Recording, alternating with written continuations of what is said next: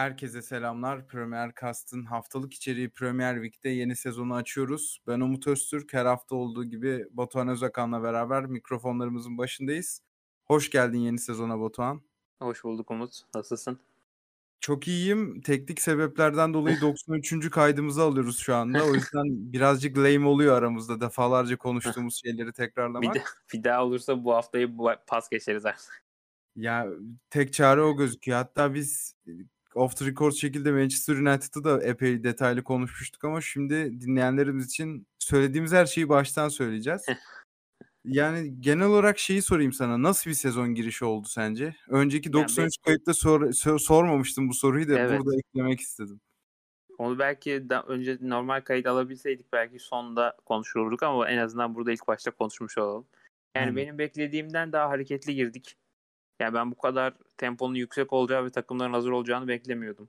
Genelde liglerde özellikle bizim ligimizde de en çok duyduğumuz şey sezon başı daha hazır değiliz ya da işte ilerleyen haftalarda hazır olacağız diye bir söylem vardır ama Premier Lig'de bunun aksine sanki tüm takımlar bu haftayı bekliyormuş gibi bir izlenim vardı bende. Yani takımların iyi bir sezon öncesi kamp geçirdiği ve aslında genel olarak da sezona iyi başladığını söyleyebiliriz rahatlıkla. Hı hı. Peki senin bu hafta dikkatini çeken böyle hani tempo konusundan girdin. En tempolu takım kimdi öne çıkan? Tottenham. Tartışmasız. Değil mi? Yani Tottenham. bu kadar oyun yoğunluğu attı yani. Klasik Conte takımı yani e, sürekli yüksek tempo git gelin olduğu bir maç izledik aslında orada da. Ama e, bunu herhalde Tottenham açısından en büyük soru işareti bunun sezon içindeki ne kadar devam edeceği ve bu devamlılığı nasıl sağlayacaklar olacak muhtemelen. Hı hı.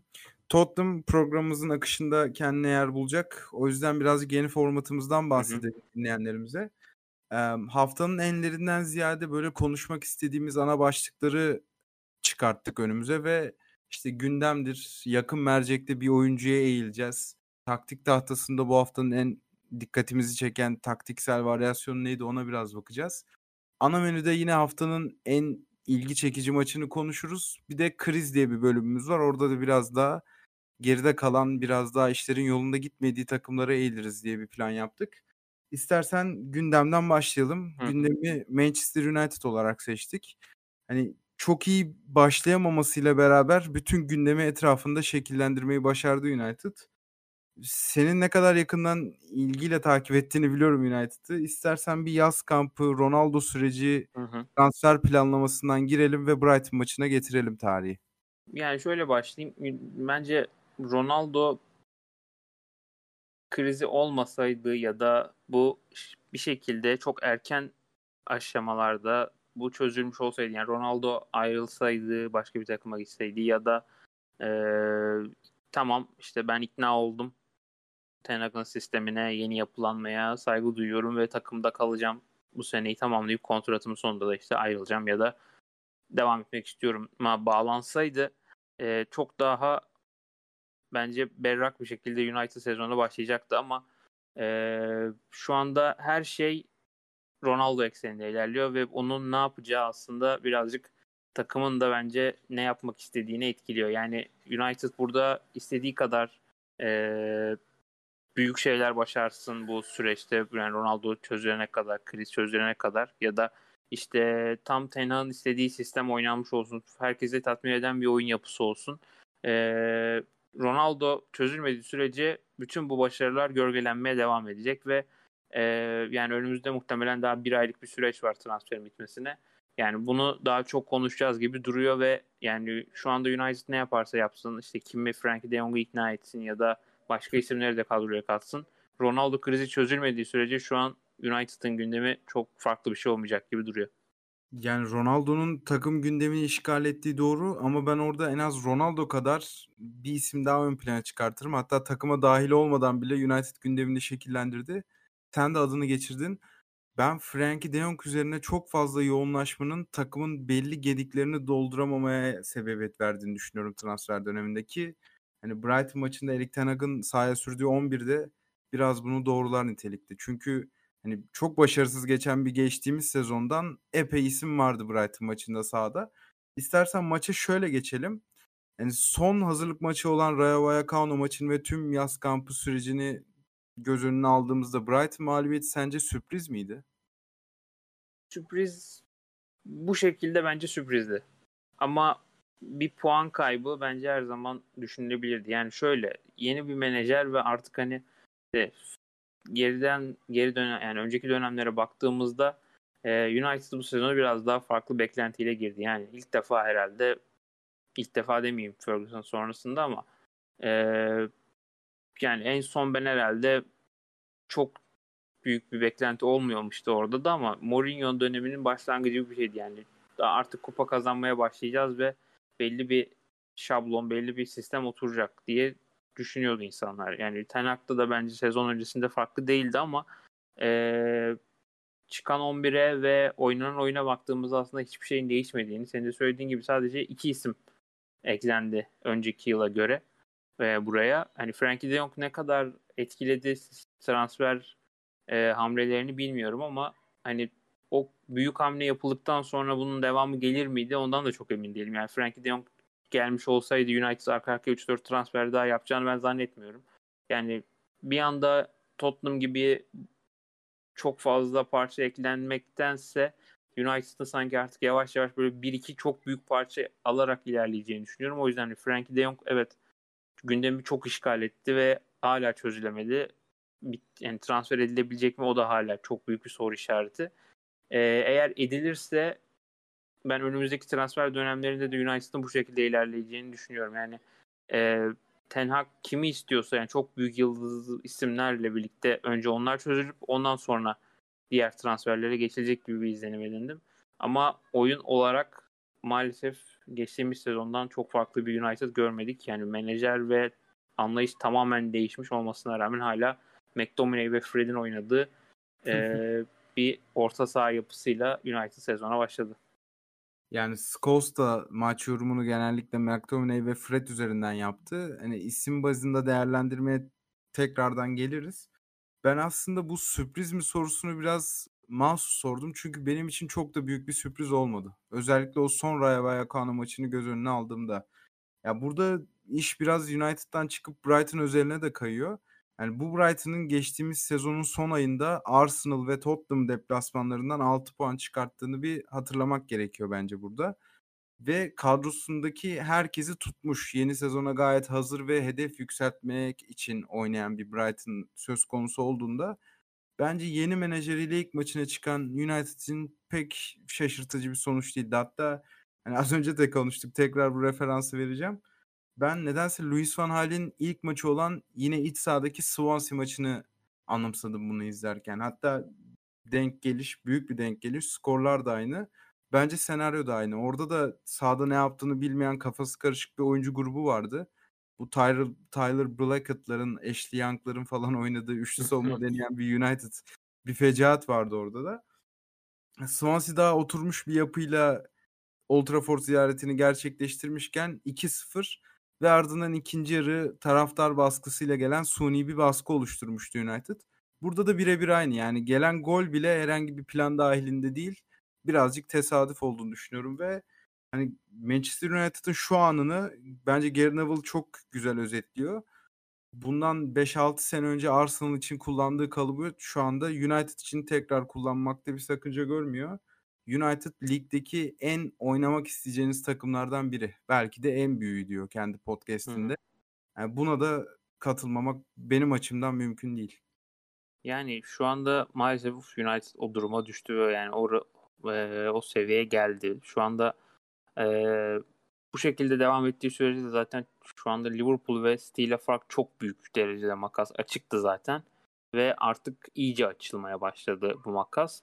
Yani buradan sonra bu fark nasıl kapanacak? Sadece yıldız transferlerle ya da işte Ten Hag istediği oyunu yansıttığında mı ortaya çıkacak? Bundan çok emin değilim. Yani e, sezon başlarken herkes büyük bir ümit vardı e, ve farklı bir şeyler izleyeceğim bir yani United, United taraftarı olarak söyleyeyim farklı bir şey izleyeceğimizi hayal ediyordum en azından evet şu anda o yani yerleşim dizilim sağ dizilimi değişmiş durumda. O ikili çapa diyebileceğimiz e, orta saha yok. Üçlü bir orta saha yapısı var ama bu yaratıcılık sorunu, üretim sorunu ve saha içi yerleşimi hala çok büyük bir problem ve Yani bunu kısa vadede Ten Hag nasıl çözecek bu oyuncu grubuyla açıkçası e, çok emin olamıyorum. Hı hı. Ya şunu da söylemek lazım. Ten Hag için her şey daha çok yeni başladı. Belki United geçtiğimiz sezonun üstüne koyabilse bile çok başarılı bir sezon geçirecektir benim nazarımdan. Çünkü hani sadece City ve Liverpool'la değil 6 ay önce menajerini değiştirmiş Tottenham ve bir ton transferden başarısız ayrılan Arsenal'da da çok büyük bir makas açıklığı var şu anda. Yani Ya, onların da biraz gerisinde kalınmak aslında ilk hedefi hani West Ham veya Big Six dışında kalan 7. takımla biraz arayı korumak gibi bir politikaya itebilir United'ı. Şu anda mevcut durum o maalesef. Ama Ten Hag'a tabii ki krediyi bitirmeyelim. Ten Hag belki de Yok öyle çok şey yani bir United izletebilir. Aha. Çünkü bu haftaki rakipleri gerçekten çok zordu. Yani şöyle söyleyeyim. Tabii ki eee, bir anda işte Ten Hag'la olmayacak da böyle bir şey Kovulmalı. Yani dünyanın en saçma şeyi olur o. Onda öyle bir şeyden bahsetmiyoruz ama eee, yani Premier Lig'de yer, yalan, yer alan işte United'ın rakibi 19 tane rakibi var ve hani Brighton'ı hangi kategoriye koyarız? Muhtemelen orta gruba koyarız. En hı. aşağıda şu anda kim yer alıyor olabilir? Belki Nottingham Forest, belki Bournemouth. Ama Hı. bu iki takıma da hafta sonu maçlarına baktığımızda ya da yapı, yeni yapılanmalarına baktığımız zaman yani bunlar bile artık her takıma sorun belli ölçüde çıkartabilecek takımlar. Yani bu 20 takım için de geçerli Premier Lig'deki. Herkes artık çok e, ne diyeyim biraz farklı ve e, kalitenin çok yüksek olduğu seviyede. Yani dolayısıyla burada sadece bireysel oyuncu kalitesi ya da oyuncu grubunun o toplam kalitesi yetmiyor burada. İşte City maçında gördük. Yani Haaland'ın etkisini ya da işte Liverpool maçında Darwin Nunez'in oyuna girdikten sonraki o etkisi. Yani artık United'da da bu tarz bir isim ya da bu tarz bir oyun anlayışının olması gerekiyor. O işte Liverpool ve City ile açılan farkı kapatmak ve şu anda artık önüne geçtiğini sen de söyledin. Yani katılmamak elde değil. İşte Arsenal ya da Tottenham'a yakalayabilmesi için. Hı hı. Yani genel olarak United'ın lig hiyerarşisindeki yerinden bahsettiğimize göre biraz da saha içine uzanalım. Saha içinde de Ten Hag'ın enteresan sayılabilecek tercihleri vardı. Bunların da başında tabii ki Eriksen'in false nine olarak sahaya çıkması var. Ronaldo kulübedeyken tabii ki maçın önüne geçen bir tercih oldu bu. İkinci yarı 2-0'la başlarken Ronaldo'yu tekrar forvete aldı, ileri uca aldı. Eriksen'i biraz daha geriye çekip oyun kurmaya yardımcı olması tabii ki kapanan bir rakibi de domine etmelerini sağladı. Ve yani maç sonunda yaptığı basın toplantısında bunun işe yaradığını söylüyor. Belki Brentford maçında takımı böyle bir şablona büründürebilir gibi bir soru da geliyor benim aklıma. Katılıyorum. Te- teşekkür ederim. Ekleyecek bir şey bulamadım üstüne. Okey. O zaman yeni transfere geçelim. Şimdi Eriksen'den çok fazla bahsettik. Kendi pozisyonu dışında bir yerde oynadığı için çok verimli değildi ama bir de Martinez'i tabii ki konuşmak lazım. Pek ikna edici bir performans geldiğini söyleyemeyiz herhalde Arjantinli'den. Yani katılıyorum. İlk maç için birazcık beklenenin altında kaldı fazlasıyla. Ama e, geldiği takımı, geldiği ligi ve yani herhalde yazın e, Martinez transferinde en çok konuşulan şeydi. Fiziksel dezavantajı. Yani evet oynadığı pozisyona göre kısa ve birazcık zayıf bir oyuncu ama bu Ajax'tayken çok büyük bir soru e, yaratmıyordu ama Premier Lig'deki o fiziksel güç ve işte o kalitenin çok yüksek olması fiziksel ve e, oyun kapasitesinin oyuncuların e, burada birazcık Martinez'i zorlayacak gibi duruyor. Yani daha ilk maçından direkt doğramak doğru değil. E, sezonun ilerleyen bölümlerinde Martinez'in uyum sağladıktan sonra ben United'ın gerçekten iste, yani aranan stoperin Martinez olabileceğini düşünüyorum. Hı hı. Bir de hani maçın ardından 24 saatte yaşanan olaylara bakmak gerekirse United taraftarının tabii ki Glazer'lara da bir protestosu oldu. Sebebi de şu, Erik Ten Hag'a yeteri kadar kaliteli bir kadro verilmediğini düşünüyorlar. Bunun üzerine de tabii ki patronlar gözünü kararttı ve Adrian Rabiot ve Marko Arnautovic isimlerini basına servis ettiler. Yani burada bir iyi bir de Ama kötü. Arnautovic olmuyor. En Evet, onu iyi haberim bu. İyi haberim Arnavutovic'in olmaması.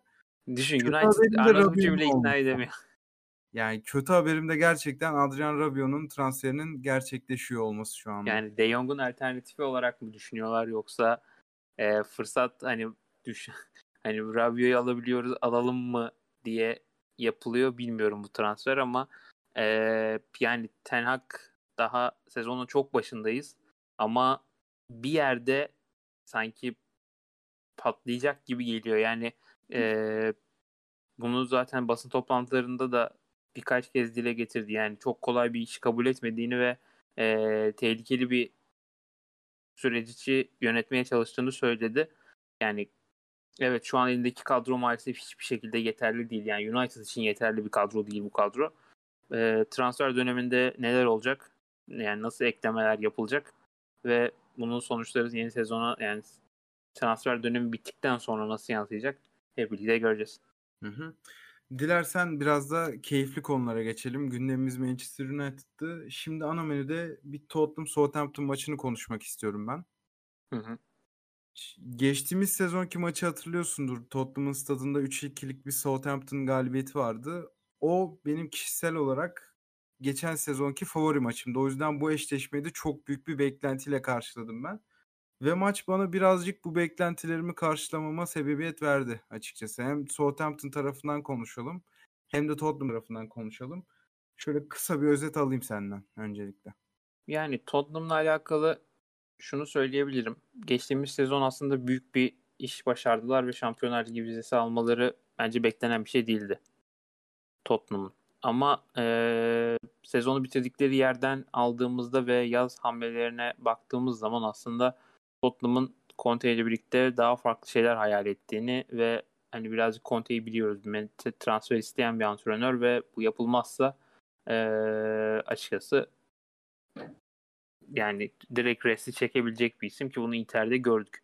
E, buraya baktığımızda şu anda ilk 11'e tekrar karşılaştırdığımda büyük bir değişim yok. Hatta belki yanlış hatırlamıyorsam hiç e, bu yazdan kontrol edeyim. Evet bu yazdan yapılan hiçbir isim yok ama e, kadro derinliğinin artması, oyuncuların artık kontenin sistemine iyice adapte olmuş olması her şeyi e, Tottenham için e, olumlu şekilde sahaya yansımasına sebep oldu. Çok yoğun bir oyun oynuyorlar. E, onların önündeki en büyük engel sanırım bunun devamlılığı olacak. Yani bunu sezona yaymayı başarırlarsa e, yani zirveyi zorlayabileceklerini bence rahatlıkla söyleyebiliriz. Şu anda bunu geçtiğimiz sezon böyle bir başlangıç yapmış olsalardı söyleyemezdik ama artık kadro derinliği olan ve e, ne oynadığını, sahada ne yapması gerektiğini bilen bir oyuncu grubu, grubu var ve bunu Southampton karşısında da açıkçası fazlasıyla gördük. Hı hı, kesinlikle öyle. Ya ben bunu bu kayıtta mı dedim, önceki kayıtlardan birinde mi söyledim hatırlamıyorum ama geçen sezonunki kadrosunu muhafaza edip aynı şablonla başlayan takımların ilk hafta çok büyük fark yarattığını düşünüyorum ben. İşte Newcastle örneğinde de bunu görebiliyoruz. E, Brighton örneğinde de az önce konuştuk mu şu olmamız lazım bunu. Bence bunların en büyük yani poster yüzü de Tottenham oldu bu hafta. Çünkü bahsettiğin gibi o kadar eklemenin arasında sahaya çıkan hiçbiri yok.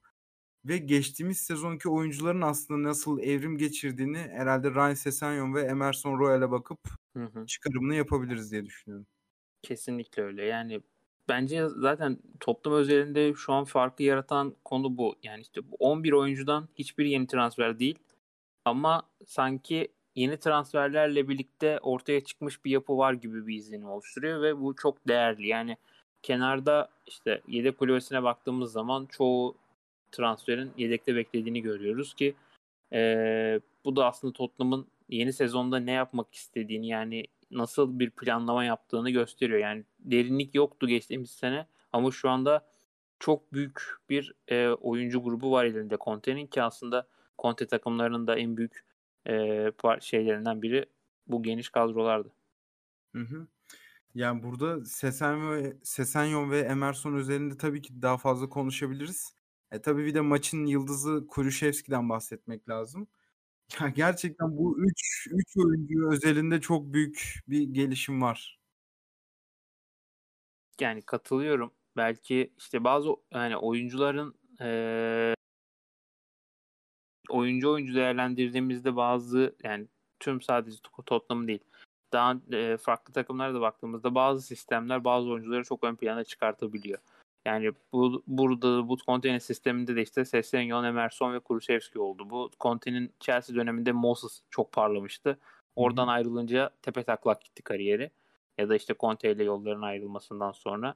Yani bu üç oyuncu da birazcık o izlenimi veriyor ama Kulusevski'nin parlamasında öndeki diğer e, takım arkadaşlarının Kane ve Son olmasından da e, kaynaklı bir durum ortaya çıkmış olabilir. Yani bütün ilgi ondayken birazcık Kulusevski açıkçası hani kendini unutturmayı başarıyor. Yani bu da onun ön plana çıkmasını sağlayan şeylerden biri oldu. Hı hı. Ya ben Kulusevski'nin inanılmaz oynadığını düşünerek tekrar yani şahsen maçın yıldızının Emerson olduğunu düşünüyorum. Çünkü daha önce hiç göstermediği bir skalayı gösterdi bize.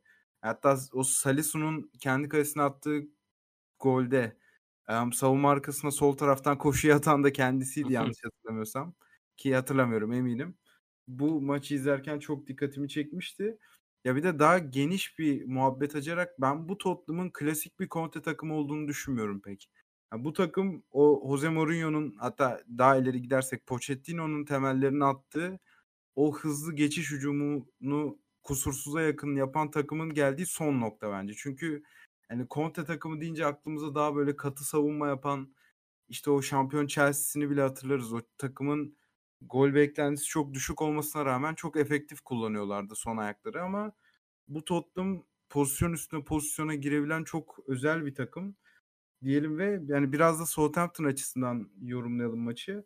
Aslında ben James Ward-Prowse'un golünden sonra daha böyle maçı kitleyebilecek bir oyun bekliyordum Southampton'dan ama onların da 5-3-2 tarzı yani kendi alışık olduğu sistemin çok uzağında bir sistem tercih etmesinden dolayı hafif dağıldığını düşünüyorum ben. Ve bunun sadece bu maç özelinde Tottenham'a karşı bir önlem olduğunu düşünüyorum. Sonra yani bu haftadan başlayarak tekrar 4-4-2 onlar için iyi bir seçenek olacaktır. Kesinlikle katılıyorum ki burada yani Tottenham'a karşı alındığını da şuradan da anlayabiliriz. Yani Aribo orta saha oyuncusu Armstrong'la birlikte forvet oynadı neredeyse bütün maç. Yani farklı bir önlem denediler ama tutmadı. Yani bu Tottenham gibi çok yoğun oynayan takımlara karşı arkada çoğalmak bence ideal bir çözüm değil.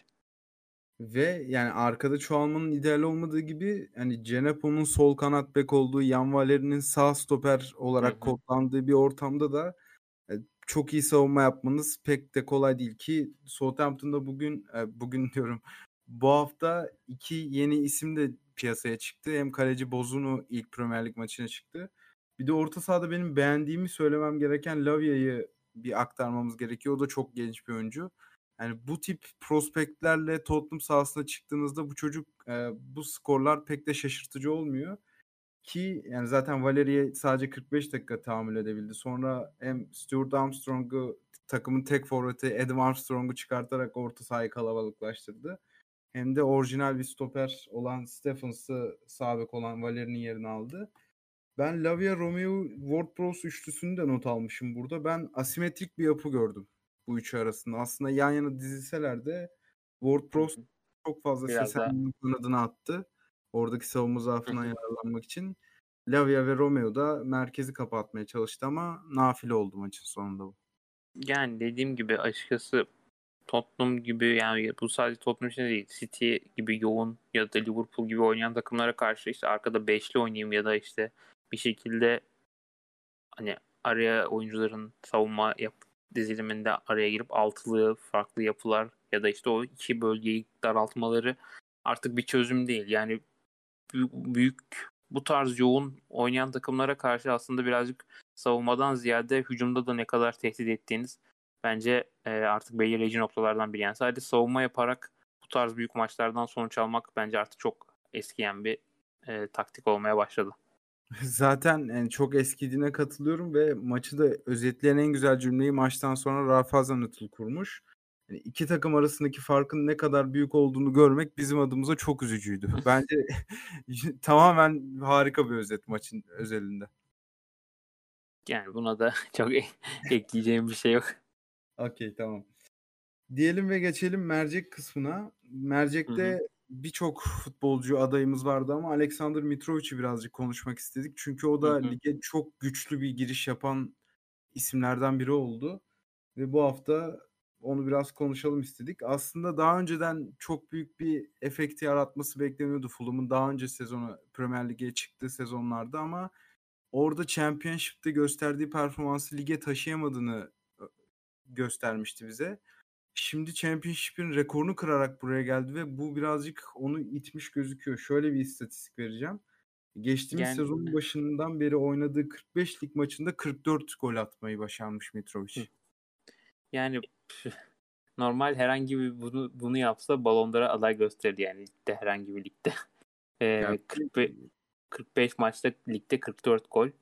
Ee, yani olağanüstü bir performans. Ee, yani Mitrovic'in kariyerine ve işte birazcık stiline baktığımız zaman aslında eski usul santrafor diyebileceğimiz tarzda bir oyuncu. Yani birazcık hani Fulham'ın alt ligde de yapısı buydu. Yani biraz ona indirip onun üstünün onun indirdiği toplarda ya da Mitrovic'in işte birebirlerden o indirdiği toplarda ya da o fiziksel e, avantajıyla birlikte skor bulmaya çalışan bir Fulham vardı ki bunu geçtiğimiz sezon en optimum seviyede kullanmayı başardılar. Sorun şuydu sezona başlarken tekrar Mitrovic bunu yani bunu devam ettirebilecek mi yoksa Mitrovic'ten daha önce gördüğümüz e, o başarısız sezonları bir daha izleyecek miyizdi? Şu ilk sınav açısından fazlasıyla bunu karşıladı. Yani Fulham'ın bu sezonda öyle hani rakiplerine baskı kuran ya da en azından mücadele etmeye çalışan bir yapıda olacağını ben sanmıyorum ki bunu ilk maç hani Liverpool olması tabii ki ayrı durmasını sağlayabilir. Ama genel yapının sanki bu olacağını tüm sezon özelinde gösterdi. Hı hı.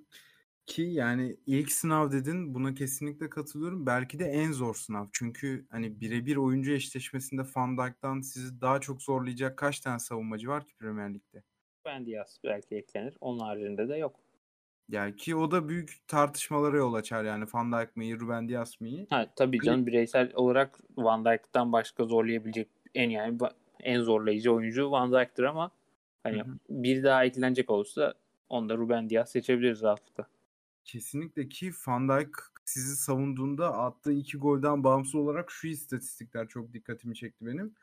9'da 7 ikili mücadele kazanmış ve 14'te 11 hava topu. Yani ikisi de %75'in üzerinde istatistikler.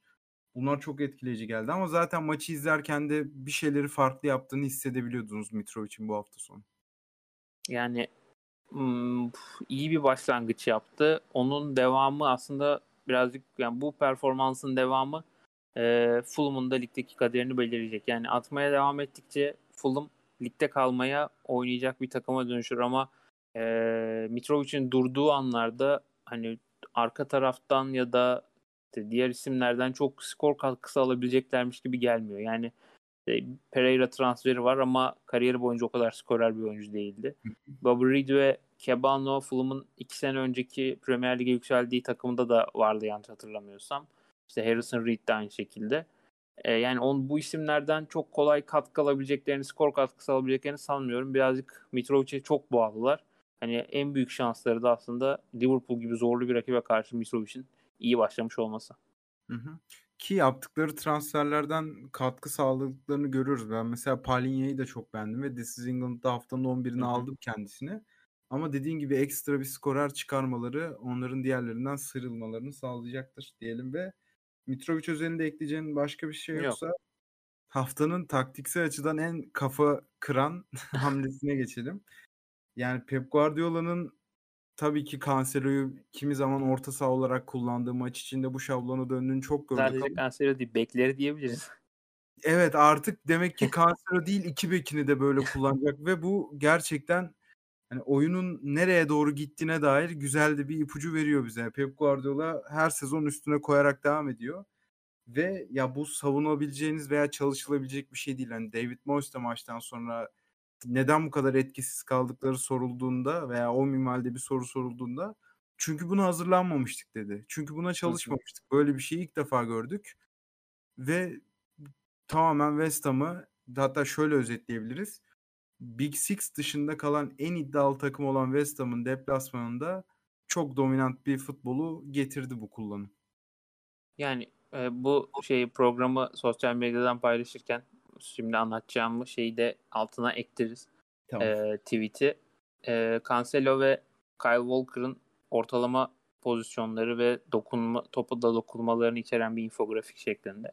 Cancel yani orta saha yuvarlağını işte dinleyenler hayal etsin ve zaten altına ekleyeceğiz bunun ama Cancelo bir tarafında ortalama pozisyonda, Kyle Walker bir tarafında. Yani bu normal bir şey değil. Bu ikisi orta saha oyuncusu değil. Bu iki oyuncu. Ve e, ortalama pozisyonda mevkileri orta saha göbeğinin biri solun, solunda biri sağında. Yani e, senin de söylediğin gibi yani David Moyes haklı. Bu kadar bence kimse beklemiyordu böyle bir bek kullanımını. Zaman zaman Guardiola'dan bekleri işte orta sahaya dahil edip arkayı üçlediğini hücumdayken görüyorduk ama bu kadar e, radikal bir şekilde bir bek kullanımı hiç hatırlamıyorum. Yani herhangi bir takımda da hatırlamıyorum. Ama işte bunun avantajını da aslında maç içinde fazlasıyla gördük. Haaland'a çok fazla alın açıldı ve orta saha diğer orta saha oyuncuları Haaland'ın çevresini çok efektif bir şekilde kullanmasına yol açtı City'nin bu radikal değişiklik. Yani ön alanda işte arkadaki savunma hattı ve onun önündeki işte Suçek, Declan Rice'dan oluşan o hani zorlu bir hat diyebiliriz herhalde. E, o hattın kırılması açısından da herhalde böyle radikal bir e, hamlenin yapılması gerekiyordu. Ve yani beni en etkileyen husus şu oldu. Hani toplu oyunda böyle mahir bir görevi sarf ediyorken savunulması çok zor olan iki kanatını da çok iyi savundu Walker ve Cancelo. Yani Jared Bowen'ı ben bu kadar kötü gördüğümü hatırlamıyorum daha önce.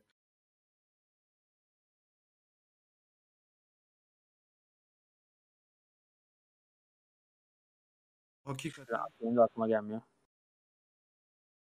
Çok çok çok çok enteresandı. Bu 2-3-5'i sezon içinde daha çok göreceğiz gibi gözüküyor. Çünkü City'nin de çok istediği bir hale getirdi maçı. Yani tamamen topu domine eden bir takım var. Karşıda tamamen gardı düşmüş bir takım var. Ve öyle seyreden de aslında izleyicileri sıkıcı gelen de tırnak içinde bir maç var. Tam bir Pep Guardiola hayali herhalde bu. Yani e, açıkçası City'ye karşı hangi takımın orta maçı orta olabileceğini düşünürsek bir tek Liverpool tezini ortaya çıkarabiliriz ya da belki Chelsea şu anda. Ee, onun dışındaki kalan takımların kolay kolay City'ye ayak uydurabileceğini söyleyemeyiz ama City'nin ligdeki bütün neredeyse artık bu sezonunu hani e, Liverpool'da artık yavaş yavaş topu bırakmaya başladı ve City'ye karşı ya da daha farklı bir yapıda oynamaya başladı. Hani Guardiola'nın da bu 2-3-5'i denemesi belki bundan da kaynaklanıyor olabilir. Hı hı. E, sen o ısı haritasını atacaksın. Ben de yanlış hı hı. hatırlamıyorsam Kyle Walker'ın Daily Mail'e verdiği bundan 2-3 hafta önce bir röportaj vardı. Onu bırakacağım.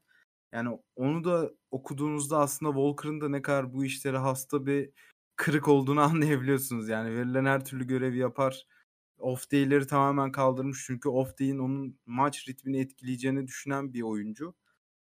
Yani çok enteresan bir takım izledik bu hafta. Yani dediğim gibi Cancelo özelinde değil Walker özelinde gördüklerime çok şaşırdım ben bu hafta sonu. Çok etkileyiciydi. Yani e, Guardiola'nın o meşhur yaz döneminde hani bir transfere işte bekli savunma hattına harcadığı bir 300 milyonluk bir yaz dönemi vardı. O dönemin en dikkat çekici transferlerinden biriydi ki aslında profil olarak da tam Guardiola'nın istediği tarzda bir oyuncu Walker. Hani hafta sonu da niye bu kadar ön plana çık yani takımın Guardiola'nın bu takımdaki en önemli parçalarından biri olduğunu görmüş olduk. Hı hı. Kesinlikle öyle. Ve kriz başlığında Everton birazcık konuşalım. Yani tabii ki kriz demek daha çok erken bir tez ama şu anda Premier Lig'de krizde olan bir takım varsa Everton bunlardan kesinlikle biri. Chelsea karşısında o geçtiğimiz sezon onları ligde tutan 5-4-1'i tekrar sahaya yansıtarak çıktılar. Ve ileri uçta Anthony Gordon'ı tek bırakmaları aslında Chelsea savunmasında biraz işini kolaylaştırdığını düşünüyorum ben. Onun dışında savunmadaki sakatlıkları onların sezonunu epey etkileyecek ve şu anda çok çabuk bir hamleli Conor Cody'yi takıma katmış durumdalar. Ama Everton hiç ışık vermiyor diyebiliriz açıkçası gelecek için. yani şu an eldeki isimlere baktığımızda bu maça çıkan işte Godfrey, Mina ve Tarkovski aslında yani bir orta orta sıra takımı için diyebilir. Yani orta grupta yer alan bir takım için bence ideal yani bu şekilde üçlü ya da beşli oynayacaksa ideal üçlülerden biri diyebiliriz herhalde bu stoperlere ama Kudi'nin de eklenmesi herhalde orayı biraz daha derinleştirmek için yapılmış bir hamle ki bence çok çok iyi bir hamle. Ee, Wolverhampton'ın nasıl bırakmaya ikna ettiler onu da açıkçası emin değilim. Ee, program başında e, United açısından şeyi konuşmuştuk yanlış hatırlamıyorsam. Yani şu andaki kadro üst sırayla yarışabilecek durumda değil.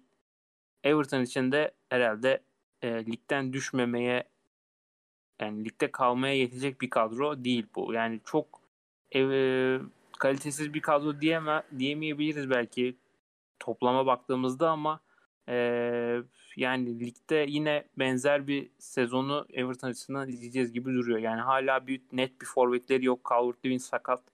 E, Rondon artık yaşı ilerledi ve ondan da alınabilecekler belli e, belli şeyler verebilecek durumda. Yani ön alandaki o eksik hala Iwobi'nin orta saha oynuyor olması herhalde Everton'ı en iyi özetleyen durumlardan biri. Hı hı. Ki yani krize başlatan şey aslında saha içi sonuçları değil. Senin de pasını attığın gibi Dominic Calvert-Lewin'in sakatlığı oldu. Çünkü yani eminim bu maç elinde Calvert-Lewin gibi bir opsiyon olsaydı farklı bir şey sahaya koyardı. Çünkü bu hiç efekt, efektif olmadı. Yani hücumda tamamen vasatı geçemedikleri gibi geriye düştükleri zaman da aslında çok formda olmayan bir Chelsea'yi bence puan alabilecekken ellerinden kaçırdılar gibi görüyorum ben bu haftayı. Yani katılıyorum. E, yani bu hafta yani maça baktığımızda aslında puan alabilecekleri bir oyunu ortaya koydular ama işte senin de söylediğin gibi o ön alanda eksik olma yani nicel bir eksiklikten ziyade nitelik eksikliğinin olması aslında Everton'ın elini kolunu bağlayan en önemli şey konumda şu anda. Hı hı. Ki onlar da yaz kampını epey günden biriktirerek geçirdiler. Bir 4-0'lık Minnesota United maçının ardından çok viral olmuştu o maçta. Lampard tekrardan küme düşme yarışı verecekleri bir sezonun başlangıcı mesajını vermişti taraftara. Hakikaten o geleceğe doğru adım adım ilerliyorlar.